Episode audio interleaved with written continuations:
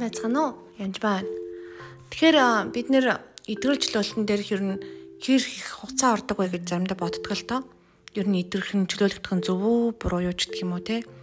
Аа тэгэхээр ер нь бол сүүлийн үед хүмүүс бас дэрэг принц ухаан ном болон бусад хүмүүсээс ер нь сонсож мэдээд эдгэрчлөлт хэрэгтэй байна гэдэг ер нь их ойлгодог болсон байгаа.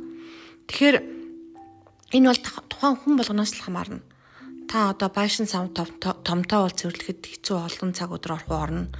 Зэрэн зарим жижигхэн энгийн байшин бол хурдан болдог ч гэдэг юм уу. Түүнээс яг түүнтэй адилхан таны цэвэрлэгээ ямар ч хийж магадгүй. Та бузар шүтэн, тахил шүтэн их шүтжсэн олон мэрэг төлөгчдөр очиж исэн бол цэвэрлэгээ хэцүү удаан байна. Яг бол бузар суусан дээр нэлийн одоо харанхууд нэлийн олон юмтай уйдсан хүлэгдсэн гэсэн үг. Та аим тийм хүлээс багтаа байх юм бол харьцангуй амар байдаг.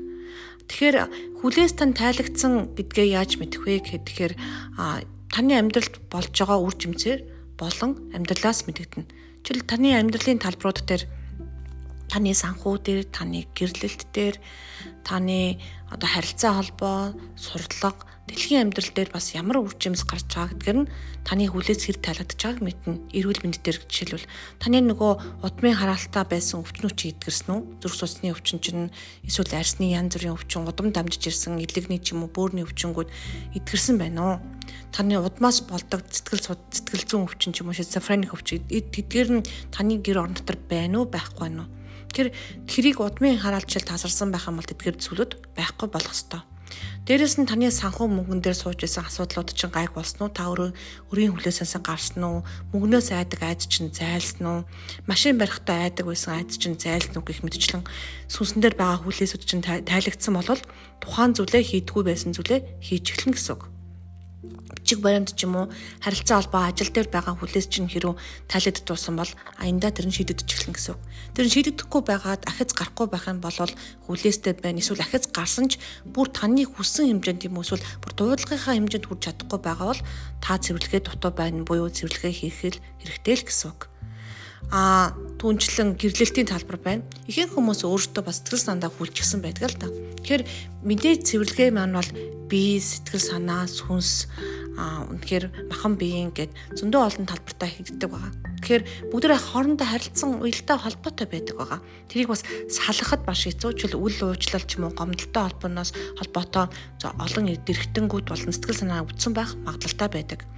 Тийм учраас та одоо яана хэр удах бол би бузар сүнстэй юм чинь хэцүү ч гэдэг юм уу? Тэгж бодгоосоо илүү зүгээр л гэрээ бариад алчир бариад цэвэрлэхтэй адилхан эхнээс нь нэврээд эхлээд цэвэрлэх хэрэгтэй. Тэгэхээр системтэй цэвэрлэх гэх юм бол та миний подкастуудаас системийн тэр нэг гүн цэвэрлэхийг бас харж болно. Тэгээд заримдаа бас эзэн сануулдаг байгаа. Айл дээр мартагдсан уучлаагүй хүнийг ч юм уу сануулах юм бол зүгээр л эзэн минь ээ энэ хүнийг уучлж байна гэд заавал цаг гаргана орой уучлаа ч юм уу тэгж та бодож магадгүй. Та магадгүй гэрээ цэвэрлэжсэн чинь магадгүй зүгээр юм угааж яхад тэр бодол орж ирсэн байж болно. Тэр бодол зурсхийн орох үед нь зүгээр л Есүс Христийн нэрээр энэ хүнийг би уучлж байна. Энэ хүнээс болж янз бүрийн сэтгэл санаа мий бахад үлдсэн шарах байх юм бол эзэн та бүрэн уучлал цэвэрлэж өгөрөө гэд. Тэгээд эсвэл тэр хүнийг та гомдоосон байх юм бол би үнэхээр гимшиж байна. Эзэн та бас уучлал цэвэрлж өгөрөө гэд. Ер нь бол эдгэрэл бол зөвхөн одоо ялангуяа цэвэрлэгээ бол таны ам хилээр таны гимжлэр болон уучлалаар энэ бүхэн явагддаг учраас итгэлээр энэ бүхнийг хийдэг. Та заавалчгүй зориулсан цаг гаргах ёстой ч гэдэг юм уу. Тэгж бити бас бодороо. Тэгэхээр таны амьдралд тэр өөрчлөлтүүд нь ч юм уу тэр сануулж байгаа бурхан сануулж байгаа нь хизээж байж болно гадаа алхаж явах чинь машинаа бараа явж явахт чинь магадгүй бүр хичээл дээр сууж очих бүр санагдах юм бол маш товчхон хурдан залбираад өнгөрч болно. Заавал цаг гаргаж суух ёстой гэж хэрэг бодогдоод байх юм бол бүр эзний өмнө нэрээ сууж болохгүй болно. Тэр нь бити өөрийгөө хүлээрээ магадгүй шүн зүудэнчин хүртэл орж ирэх юм бол шүн зүудэндээ хүртэл тэдгэр хүмүүсийг уучлал цэвэрлэж болно. Тэгэхээр та бити хязгаар тавиарай та суусан дээр итгэл чөлөөлт хийх үед бие махбод болон итгэл санаанд ч гэсэн болдог. Тэр сэтгэл санаанд байгаа хүлээсээ ялангуяа уучлал ч юм уу үл уучлал гомдол байх юм бол шууд л Назарын Есүснүүд дээр бид нар гомцсон байгаа хүнээс хүнээ уучлж байна гэж бүр сонголт хийгээрэй. Би уучлахгүй үл уучлж байна гэдэг хүн бол Бурхны харийг сайн мэдэхгүй байгаа л хэрэг. Нэгсэндээ бурхан таныг уучлсан гэдгийг мартсан байгаа хэрэг. Тийм учраас үл уучлах ч юм уу би уучлахгүй байна. Эсвэл би гэрээ цэвэрлэхгүй ч гэдэг юм уу. Эсвэл яана дуусахгүй юм чинь цэвэрлээд яах вэ гэж бити бодороо. Эхнээс нь хайж байтал дуусчил тараа. Хэрв хэрв зарим хүмүүс бас энэ цэвэрлэгээ чинь дуустахгүй зүйл гэж ярьдаг л да. Магадгүй бид нэр өдрөөс өдөрт Иесус руу ордож дуустахгүй юм санагдаж магадгүй хөлөө байнга угаах шаардлага гарах уу гарна. Бид нар ер нь усанд байнга л ордог үсттэй.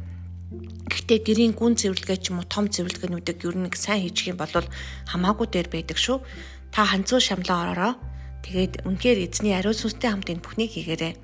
Тэгээд хэрвээ дуусахгүй гэж бити айгаараа гэр орон чинь цэвэр байх юм бол таны ажил үс чамархан, таны үйлчлэлийн талбарч сайхан бүх зүйл эмгэх зэгцтэй болох үед үнэхээр санаа оюун бодол чинь ч гэсэн зэгцтэй, өр хүүхдээ чинь ирээдүйд гэсэн гэрэлтэй болдог гэдэг мартууцаа.